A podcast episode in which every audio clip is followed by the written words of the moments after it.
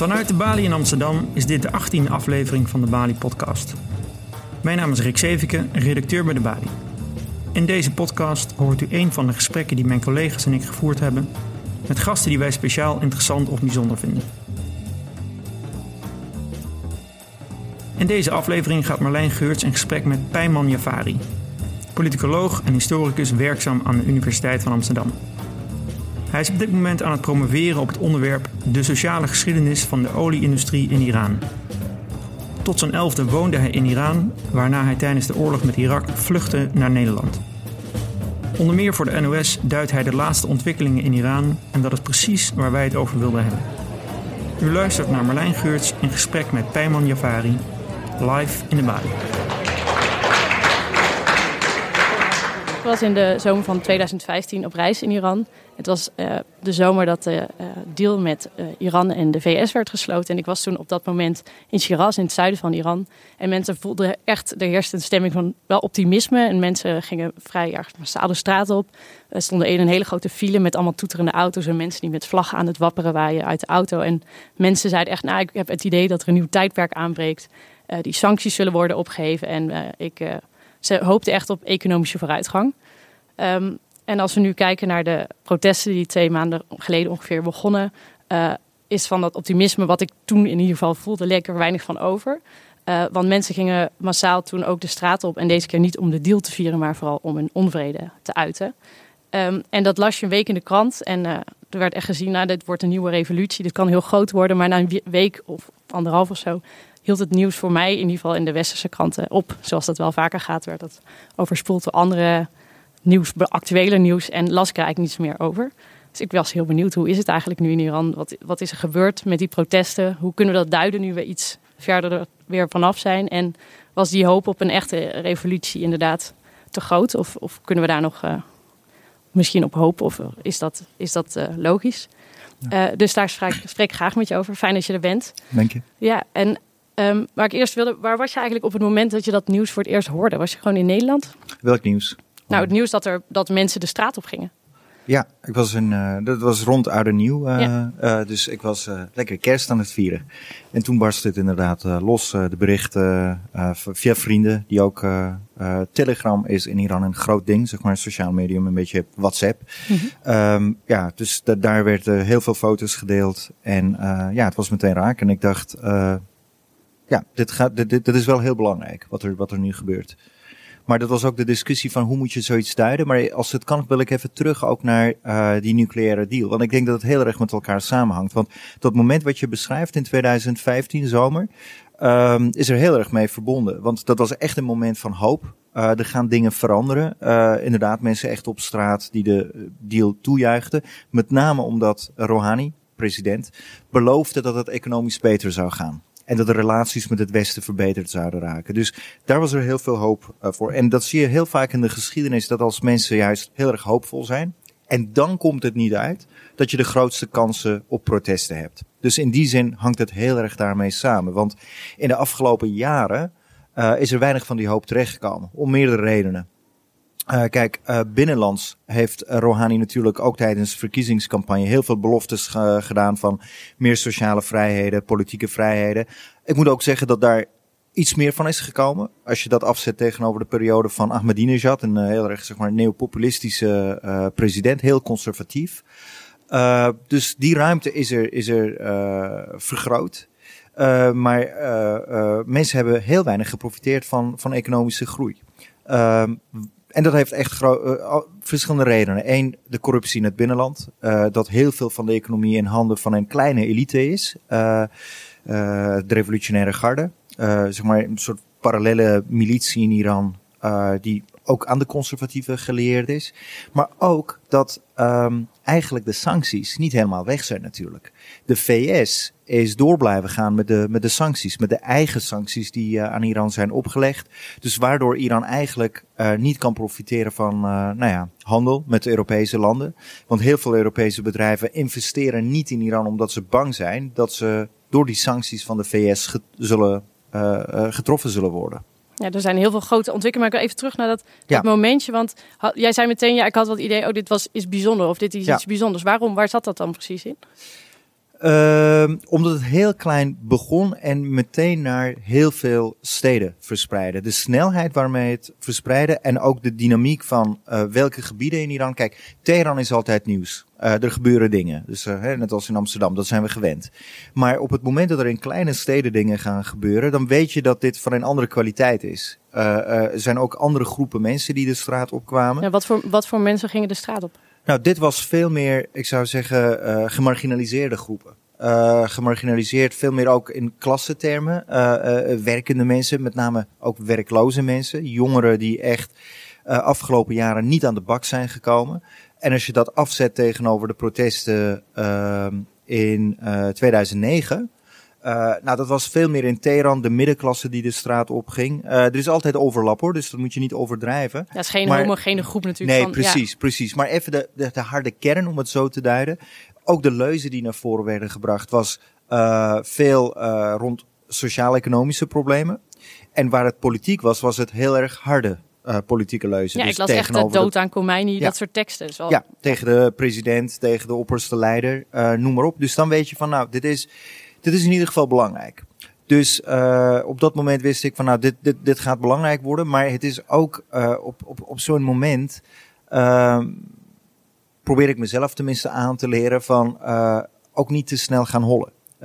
even nuchter analyseren, vergelijken. Hoe is het in andere landen?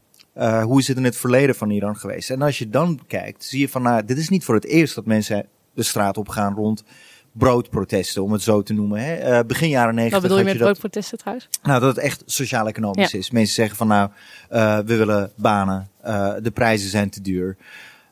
dat was begin jaren negentig ook gebeurd in Iran. toen de inflatie hoger dan 50% raakte. grootste protesten.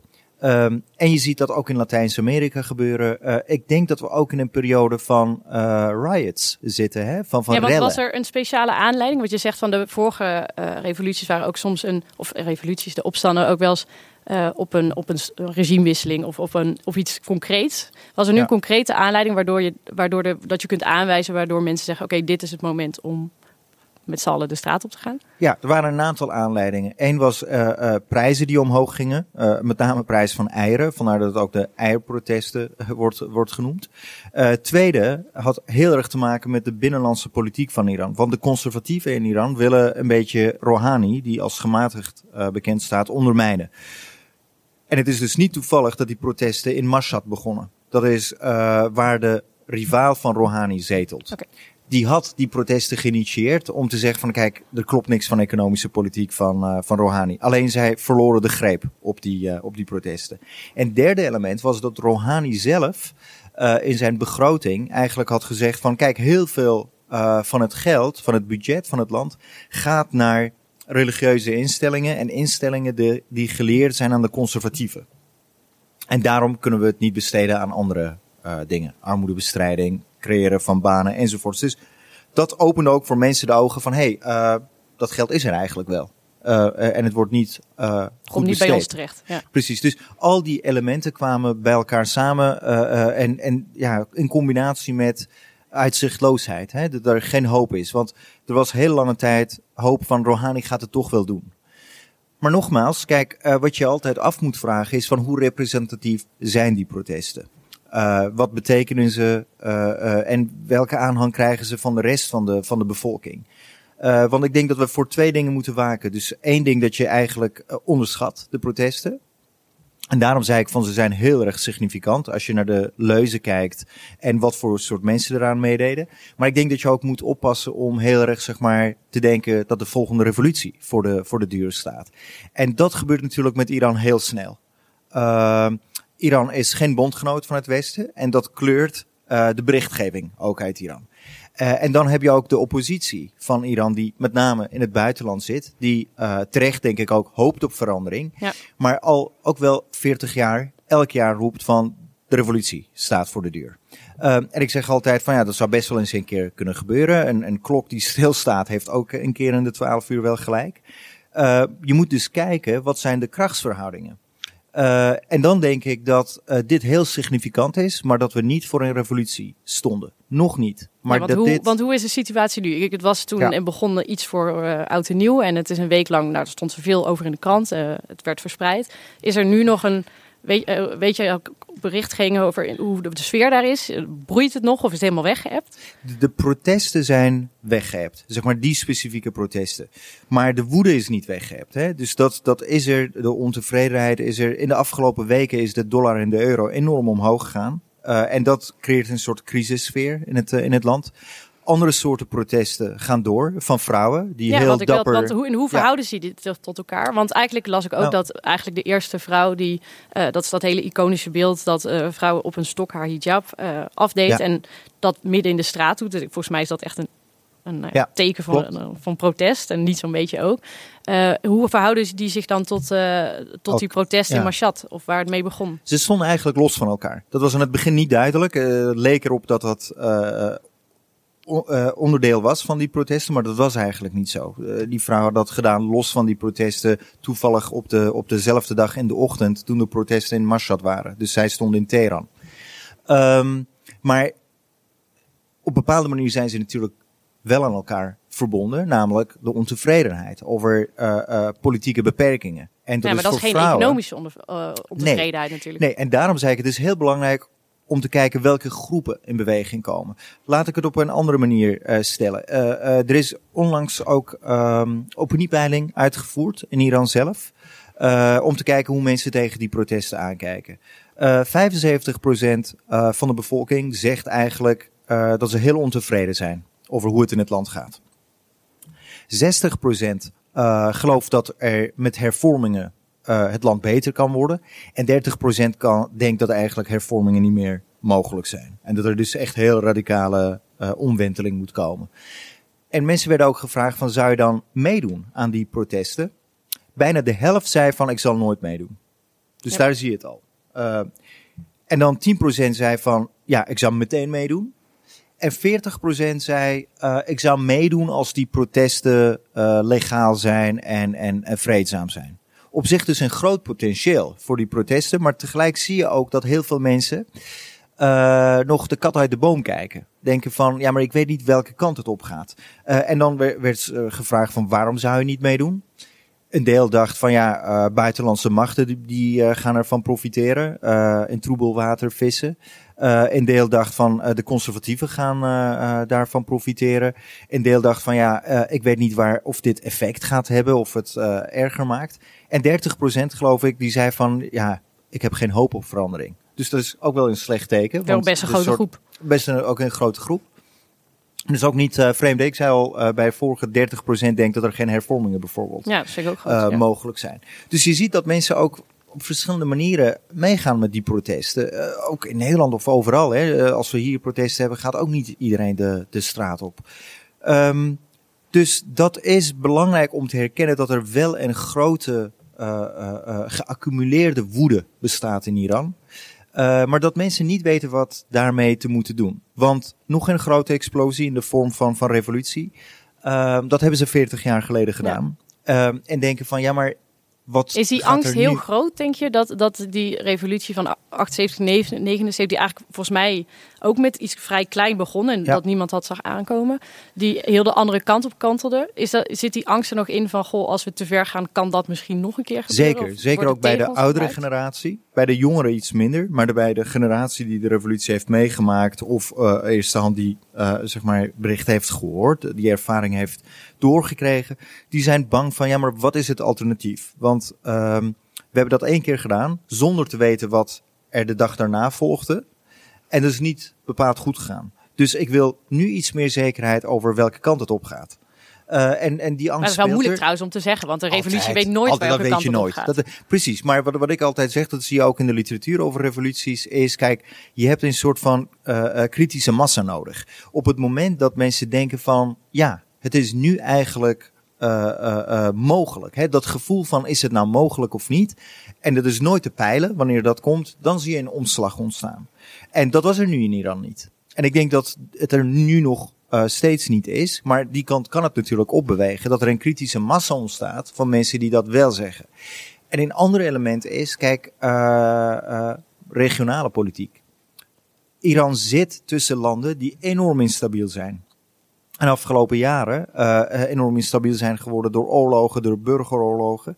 Dus mensen zijn daar ook een beetje bang uh, voor. En, en, uh, Om, het, dat, we, dat Iran dezelfde kant op zou gaan ja, als die precies. landen.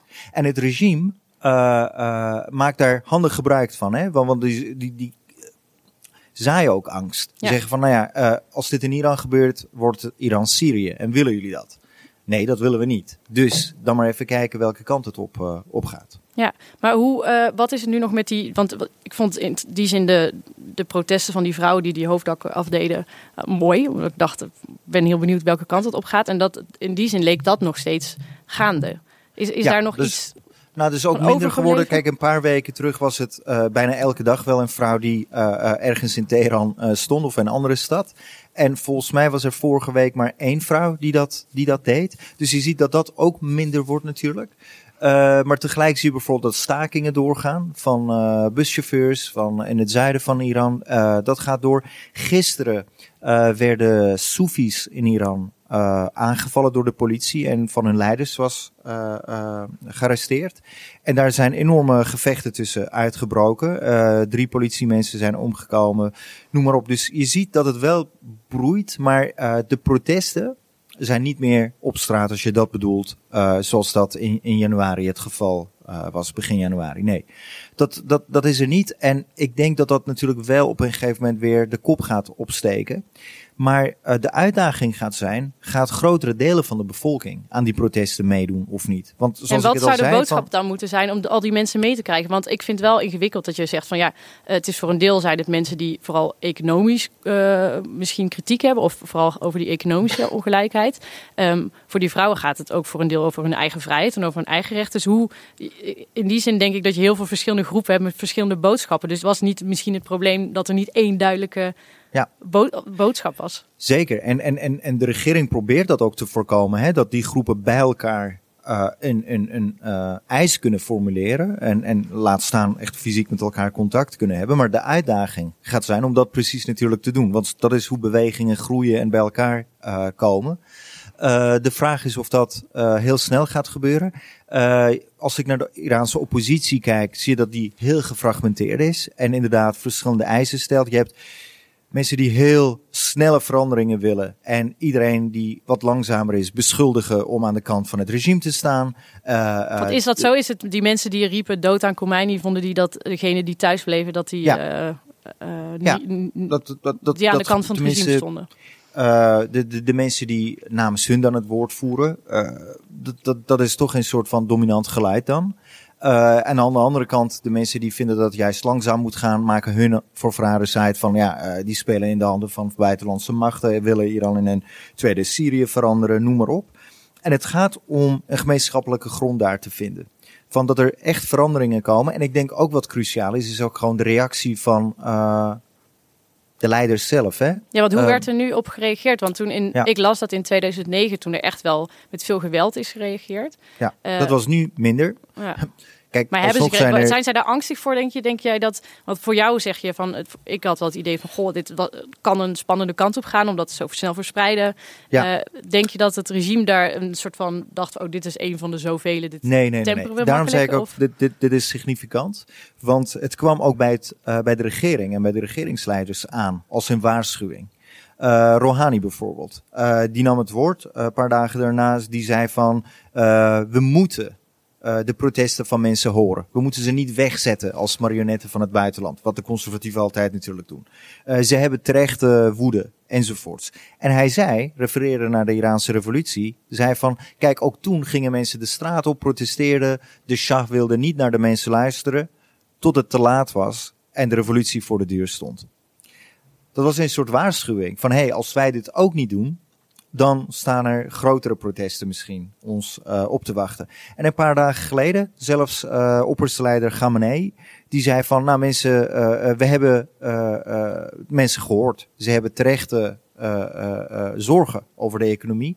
En ik bied mijn excuses aan dat op het vlak van sociale rechtvaardigheid wij gefaald hebben. Of vertraagd zijn. Zulke woorden gebruikte hij. Dus dat laat zien dat aan de top er wel degelijk uh, dingen broeien. Wat ik ook hoorde is dat bijvoorbeeld mensen van de revolutionaire garde naar de hervormers zijn gestapt. Om met hun een gesprek te gaan van hey, uh, wat gebeurt er eigenlijk in de samenleving? Uh, ik hoor dat ze onderzoeken laten uitvoeren, opiniepeilingen enzovoorts. Want ze, ze zien dat er dingen aan het bewegen zijn en dat ze daarop moeten inspelen. De vraag gaat zijn, zullen ze gaan op ze tijd... er iets mee doen? Ja, ook? gaan ze er wat mee doen? Gaan En luisteren ze alleen naar die economische echt met dingen waarvan ze denken, oh dat is misschien makkelijk. Of wat, in die zin is dat makkelijker natuurlijk om Ja. eh, naar te luisteren dan degene die echt tegen het regime zelf zijn. Of tegen misschien de... Precies, maar daar zie je dus ook dat dat onderdeel wordt van die fractiegevecht in Iran. Want de conservatieven die zeggen het is allemaal economische eh, woede. Een van de journalisten vroeg een persconferentie van Rouhani, de president, van uh, uh, bent u het daarmee eens? Hij zei van nee, maar dat laat zien dat u ook de bevolking niet hoort, want ze hebben ook politieke eisen. Want Rouhani wil eigenlijk naar voren brengen van hé, hey, we moeten ook politieke hervormingen doorvoeren. De vraag is hoe ver die politieke hervormingen moeten gaan bij hem. Ook natuurlijk niet al te ver. Maar dat het wel degelijk omgaat dat er een combinatie moet zijn van politieke en economische hervormingen. En dat anders de situatie onhoudbaar is. Ja, en denk je dat, verwacht jij dat daar iets op die ze- in die zin iets van toezegging naar wordt gedaan? Of denk je dat het Ja, vooral het zijn een paar weken zijn? geleden, kijk, wat er, wat er gaat zijn is een combinatie van repressie en concessies. Ja. Uh, en dat is ook wat er gebeurd is. Hè. Er zijn 4000 mensen gearresteerd. Ja, Het grootste deel is vrijgelaten. Uh, er zijn, geloof ik, iets minder dan 30 doden gevallen tijdens de uh, uh, protesten. Alsnog hoog, maar aanzienlijk lager dan uh, uh, in 2009. Um, de, de vraag gaat zijn, uh, wat gaat balans tussen repressie en concessie zijn? Ik denk dat, er, dat, dat we de flexibiliteit van het Iraanse regime niet moeten onderschatten, want ze zijn door meerdere crises heen gekomen omdat er een grote laag is nu hè, van de bureaucratie van de leiders. Het is niet zoals tijdens het regime van de Shah, dat je alleen maar de Shah had. En that's it, die, that's it. Uh, er is nu ook een heel autoritair systeem, maar het is veel breder. Uh, veel meer geworteld ook in de samenleving, waardoor de geluiden uh, sneller daarheen komen. Maar alsnog dat deze mensen wel heel erg uh, ook in het zadel willen blijven. En uh, ja, Alexis de Tocqueville, die zei ook van het gevaarlijkste moment is op het moment dat leiders hervormingen gaan doorvoeren. Want mensen komen op het idee van, hé, hey, we willen meer. Ja. En uh, uh, dat is denk ik wat, wat het voor, voor dit regime lastig maakt. Uh, niet te veel hervormingen, maar ook niet, niet te weinig. En dat gaat, uh, en we moeten de komende tijd gaan zien van ja, waar, welke kant de balans zeg maar opslaat. Ja, en als je zou denken vanuit de kant van de mensen die die onvrede hebben, die die woede hebben, wat zou nodig zijn om nou echt een verandering door te brengen?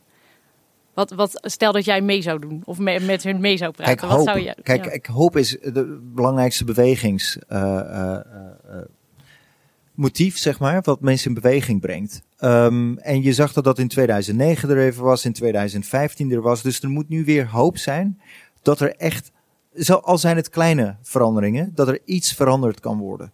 Dat er politieke leiders zijn die laten zien dat ze hun horen. En dat ze ook tegen de politieke obstakels in verzet komen. En de politieke obstakels zijn met name de conservatieven in Iran, ja. de revolutionaire garde. Vandaar dat Rouhani af en toe ook echt probeert te zeggen van nou, we moeten de macht van revolutionaire garde in de economie bijvoorbeeld inperken. We moeten vrouwen meer vrijheid geven.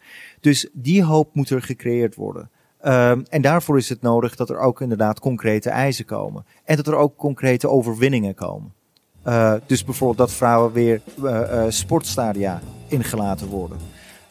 Dat de lonen omhoog gaan. Noem maar op. Hè? Dus dat, dat soort hele concrete veranderingen. En als dat niet gebeurt, dan denk je dat die protesten dat, het, dat er nog iets aan gaat komen? Of verwacht je dat er niks gaat gebeuren de komende tijd? Nee, ik denk dat, dat, dat we uh, voor een periode staan waar er heel veel dingen gaan gebeuren. Niet alleen in Iran zelf, daar broeit het, maar ook in de regio, de regionale politiek. Want uh, het een heeft ook heel erg met het ander te maken. Dus ik denk dat het de komende tijd heel spannend gaat worden in Iran. Ja. Maar ik durf geen voorspelling te doen. Nee, uh, nou, dan moeten we dit gesprek het... voorzetten nee. op het moment ja. dat we gaan het goed volgen. Dankjewel voor dit gesprek. Graag gedaan.